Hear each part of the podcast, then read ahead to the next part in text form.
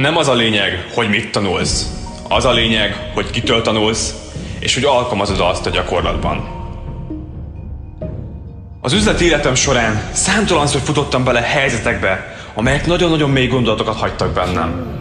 És nem egy alkalom volt rá, hogy egy számomra hiteles példaképemet hosszú hajtás után végre személyesen is megismerhettem. Majd azt mondtam neki, tisztellek. Bármi áron, de tőled akarok tanulni. Mutasd az utat, és mindent megteszek, amit mondasz, ha az a sikeremet szolgálja. Voltak, akikkel egy-két alkalommal beszélgettem csak. És voltak, akikkel heteken keresztül fenntartottuk a kapcsolatot, és tanultam tőlük a lehető legnagyobb alázattal. Minden jött egy ötletem, amivel azonnal az egyik példaképemhez odafutottam, liegve lohogva, hogy tessék, itt van! Ez lesz az, amit régóta akarok, ezzel most berobbanok! Kedves példaképen mélyen a szemben nézett, miután odarohantam, és elmondtam az ötletemet. Nézett, elmélkezni kezdett. Fogta az állát, és azt mondta. Ádám, én nagyon becsülöm azt, hogy ennyire menni akarsz előre, de ennek legalább öt évet adnod kell. Minden azért nem megy ilyen gyorsan. Talán van, akinek sikerül, de ez nem ilyen egyszerű. Remélem, hogy megérted. És ott eldöntöttem, hogy attól még, hogy valaki a mentorom, a példaképem, nem engedhetem meg magamnak azt, hogy abban a helyzetemben ráhallgassak. Egy óriási ötletet tartottam a projektet. Teljesen ketvelem tényleg vártam, letörtem. Úgy éreztem, talán igaza van, mégsem kell ilyesmiről álmodoznom. Ez még odébb van.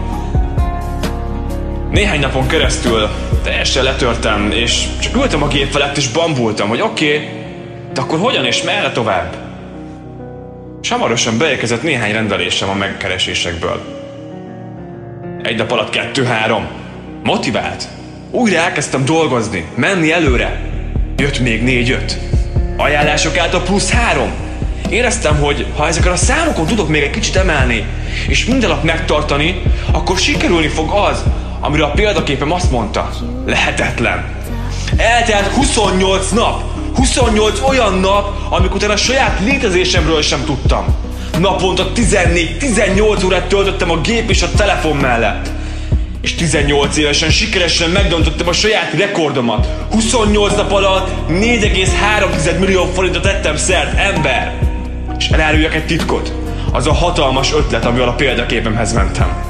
Csak másfél millió forintról szólt de a hitem és az akaratom, az, hogy továbbáltam a célom felé, többre szolgált nekem, mint 4 millió magyar forintra. Az üzenetem tehát ezzel számodra az, hogyha a fejedbe veszed egy elsőre bármennyire is nevetségesnek tartott célt, bárki mondhatja, hogy ez nem lehetséges. Badalság! Lehetetlen csak addig létezik, még valaki lehetségessé nem teszi. Ez esetben ez rajtad múlik. Cselekedet és a bűvös hogyan ez fog eljutatni téged az elsőre nevetségesnek tűnő célodig.